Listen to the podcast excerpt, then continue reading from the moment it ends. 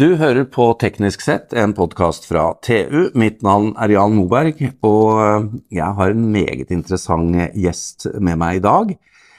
Han har både vært tømrer, byggmester, er sivilingeniør, før det var ingeniør, og har også en doktorgrad, og kan mye om eh, bygg og eh, klima, plusshus, passivhus og disse tingene. Velkommen, Tor Helge Dokka.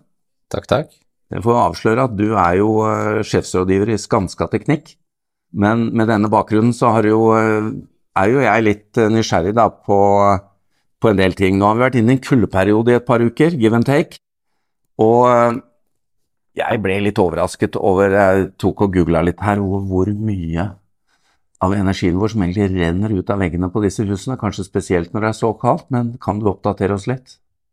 Ja, vi, vi, produserer jo i et normalår ca. 140 TWh.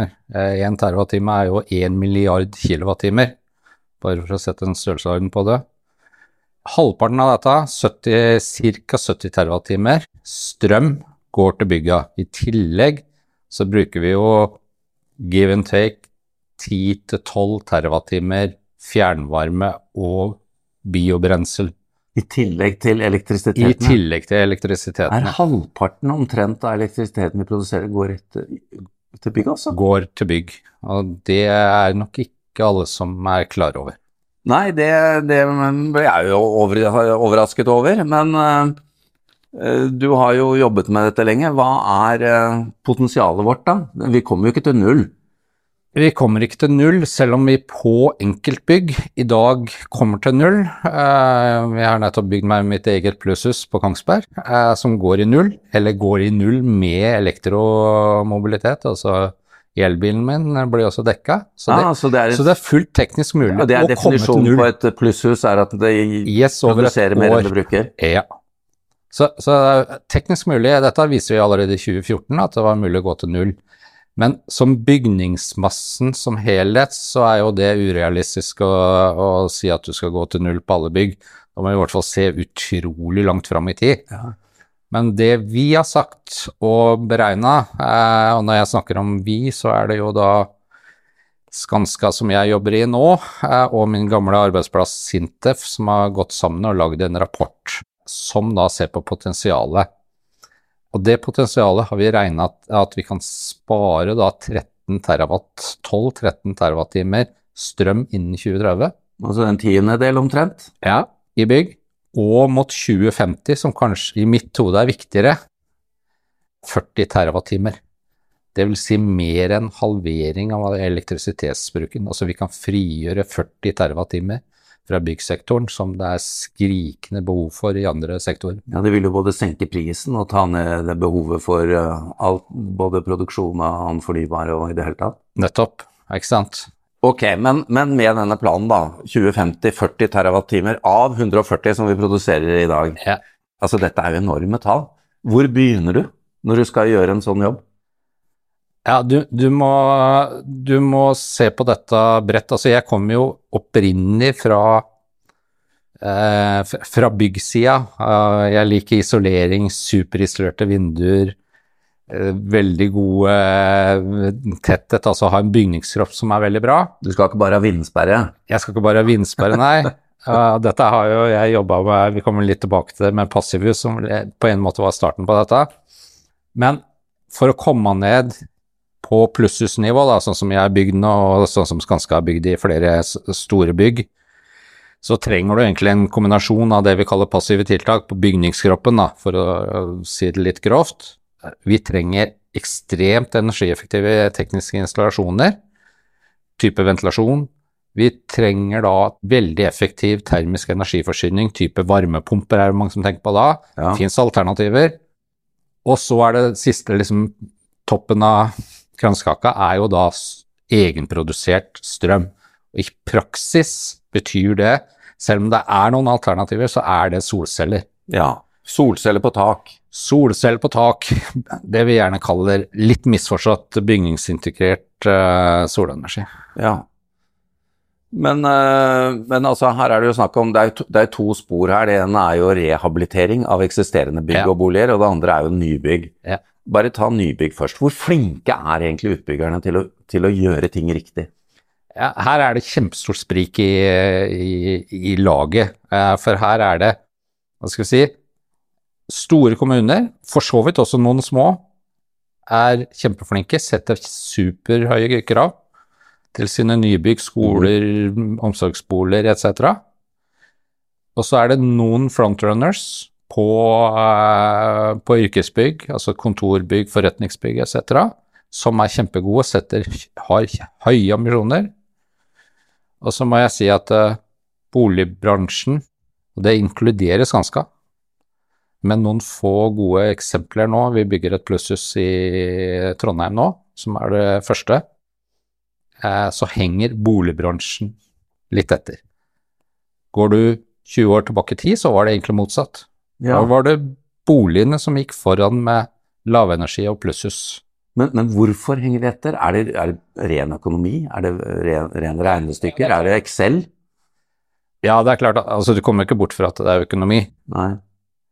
Og det, det sier vi også veldig tydelig i rapporten vår, at uh, dette går ikke av seg selv, i hvert fall. Altså, da må du se dette over lengre, lengre periode.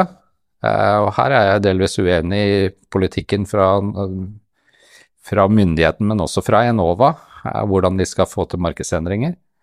Man trenger hjelp for at dette skal bre seg ut, at det ikke bare er entusiaster sånn som meg Ja, man trenger og egentlig en eh, Entra for eksempel, og ja. Du trenger litt sånn elbilinsentiver for boligbransjen? vi, vi trenger egentlig litt elbilinsentiver, Mm. yes.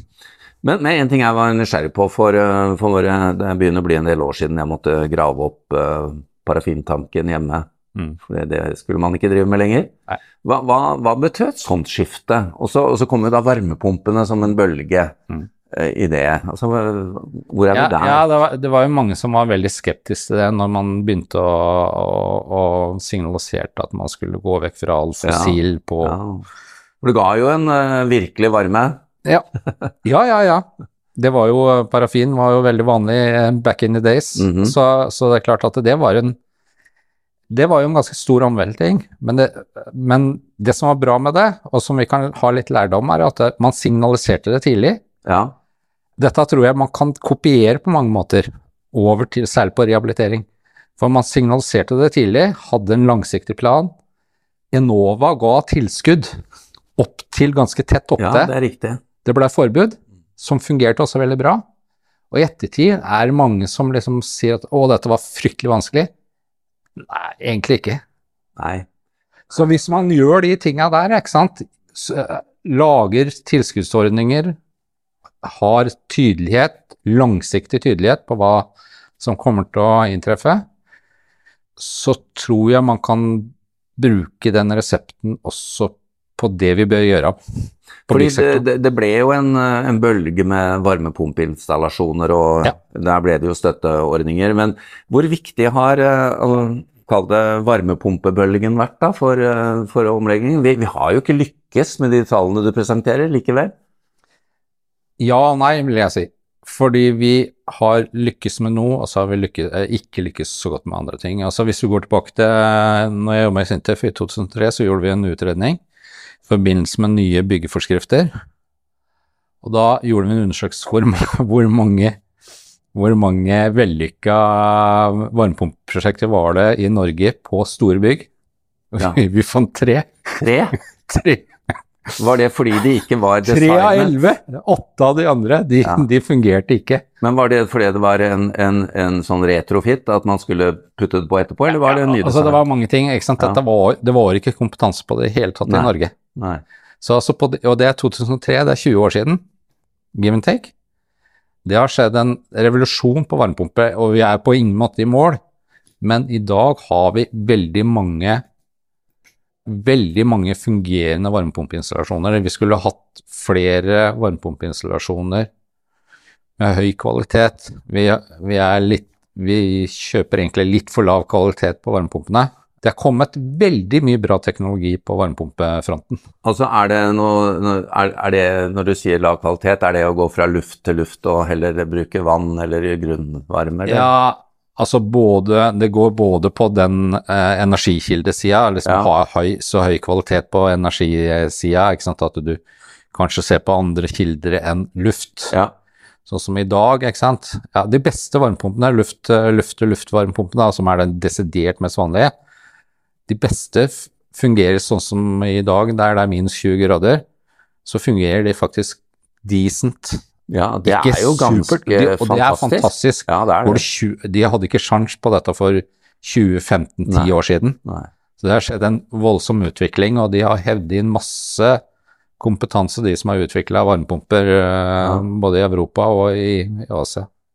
Men, men uh, bare gå løs på dette. Her er det jo åpenbart mangler. Både på nybygg og, og, eh, og eh, rehabilitering av bygg. Men hva er de mest vanlige feilvurderingene man gjør da?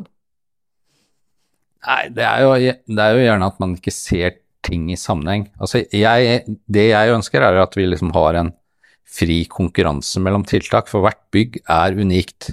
Ja. Altså, vi lager ikke Tesla Model 3 eller eh, Volkswagen Golf. Nei, det er ikke en sånn serieproduksjon. Det er ikke en serieproduksjon, og vi er ulike steder i Norge, så man må ha en må, Til en viss grad så må man uh, pinpointe løsningen til hvert enkelt. Mm. Så jeg vil egentlig ha en fri konkurranse mellom det vi kaller passive tiltak, isolasjon, superisolerte vinduer, termisk energiforsyning, varmepumper og solceller.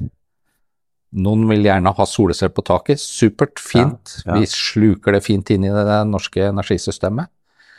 Eh, noen eh, er det desidert mest lønnsomt, også komfortmessig, å etterisolere og bytte ut til veldig gode vinduer.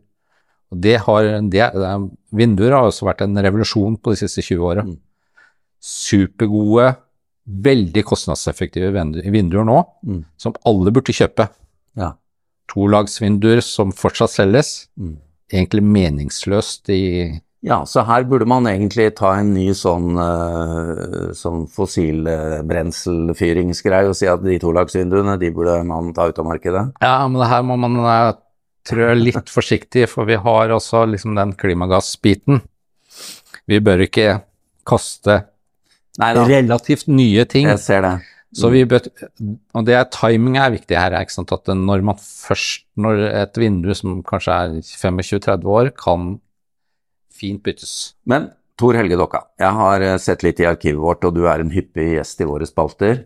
Både med leserinnlegg og debattinnlegg, og også som intervjuobjekt. Og én ting jeg fant, var jo at det er også en annen eh, feil som blir begått her i, i markedet. Det er jo at en ting er hvordan ting blir designet, men en annen ting er hvordan det blir driftet i etterkant. Det er ikke alle som drifter ting riktig. Nei. Hvor stor er den eh, feilraten, vil du si? Altså, der vil jeg skille veldig klart mellom? Når, du, når du snakker om boliger, og når du snakker om yrkesbygg Mm. eh, og offentlige bygg, så er det liksom to forskjellige ting. Når det gjelder boliger, så er det på mange måter Ja, man kan informere om boligeiere hvordan de helst bør bruke sin bolig, men på en måte, det er Der må folk velge sjøl. Og Da tenker jeg sånne perioder som nå, når du kommer opp i seks kroner per kilowatten, Mm. så, så, så drifter folk sin bolig eh, bedre. Og så må du ha ikke gå helt bananas på tekniske løsninger. Keep it simple er et uh, veldig gå- godt utgangspunkt. Altså, hvermannsen har ikke kompetanse til å drifte ekstremt kompliserte ting. Nei, det er, ikke, det er vel kanskje ikke sånn heller at man kan påregne å kunne gå rundt i shorts og T-skjorte når det er minus 25 ute heller. Det har vel Nei. noe med at det går an å senke litt. Men eh, du har også, du har jo vært ganske tydelig på andre ting òg. Du har jo eh, vært litt på denne rådgiverbransjen som du er en eh, del av selv, for å si at det er mange, teoretiske, mange teoretikere og mange teoretiske løsninger som blir foreslått. Ja. Ofte så er det jo sånn at uh, rådgiverne uh, er redd for å underdimensjonere ting. Ja, riktig. Fordi nettopp for sånne perioder som nå, så er de livredd for at de skal ha for små installasjoner som gjør Ja. at noen, noen får klage på at det blir litt for kaldt. Ikke sant? Nettopp. Og det gjør at vi får systemer som er kompliserte, overdimensjonerte og dermed får lav ytelse. Eh, så jeg Det er stort sett det jeg driver på de siste ti åra, er å prøve å holde disse rådgiverne i øra. Rydde opp litt? Ja, og lage systemer som blir forstått og som kan driftes effektivt. Og det viser seg når, når vi gjør det riktig, så, så, er ikke det noe fare at det er underdimensjonerte. Altså, du må bare ha korrekt dimensjonerte systemer.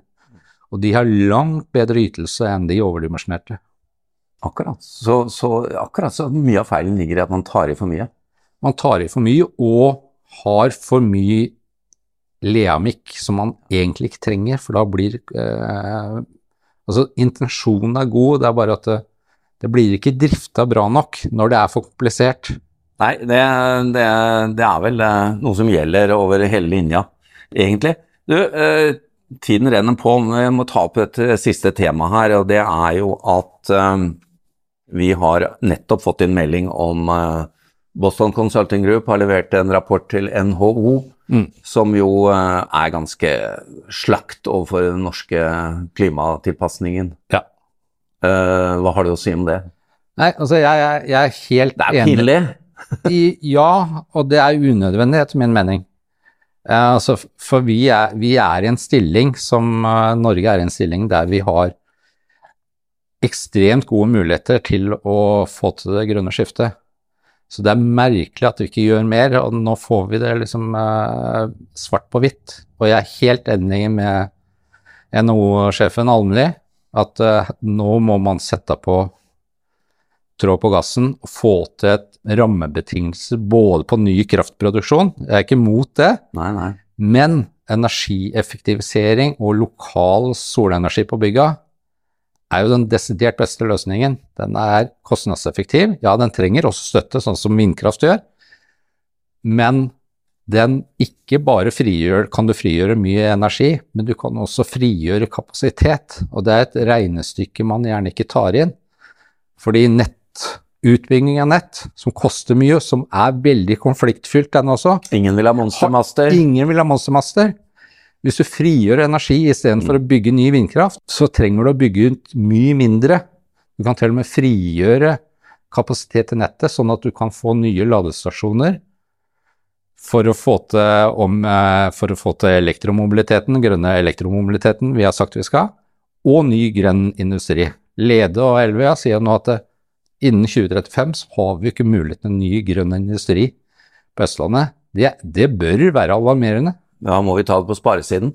Eh, kjapt fra, fra ditt ståsted, da. Hvor, hva er liksom de to-tre to, viktigste tingene man kunne gått i gang med? Ja, altså vi, vi, har I rapporten så har vi gitt oppskrift på, på byggesida. Altså vi, vi, trenger, og det kan høres mye ut, 4-5 milliarder i støtte hvert år. Vi sier at det, det koster er det da at det er solpaneler på taket? Det er sol på taket, det ja. er varmepumper, det er etterisolering, det er eh, ja. bedre vinduer. Alt sammen. Da er det plutselig ikke så mye, da? Nei, ikke når du ser det i sammenheng med andre ting som 23 milliarder til havvind etc., så er ikke det så store penger. Og du har en provenyeffekt, ikke sant skaper nye arbeidsplasser, grønne arbeidsplasser. Ja, jeg tipper du ville fått mer ut av de 4-5 milliardene, 4, milliardene ja. i tid enn den havvindsatsingen yep. som yep. ligger noen tiår fram. Og du får inn moms, og du får inn avgifter. Ja. Så, så jeg, jeg, mener at det er jo et utrolig rimelig kostnadseffektivt Det er en no-brainer i mitt hode. Ja, det er eh, I den kuldeperioden vi er inne i, så er det jo greit å høre at eh, potensialet er stort, men det er jo mye større enn hva jeg trodde. Det må jeg bare innrømme. Og um, Tor Helge Dokka, sjefsrådgiver i Skanska Teknikk, vi må jo bare ønske deg lykke til, og virkelig håper at du lykkes eh, med, med satsingen framover. Takk, takk.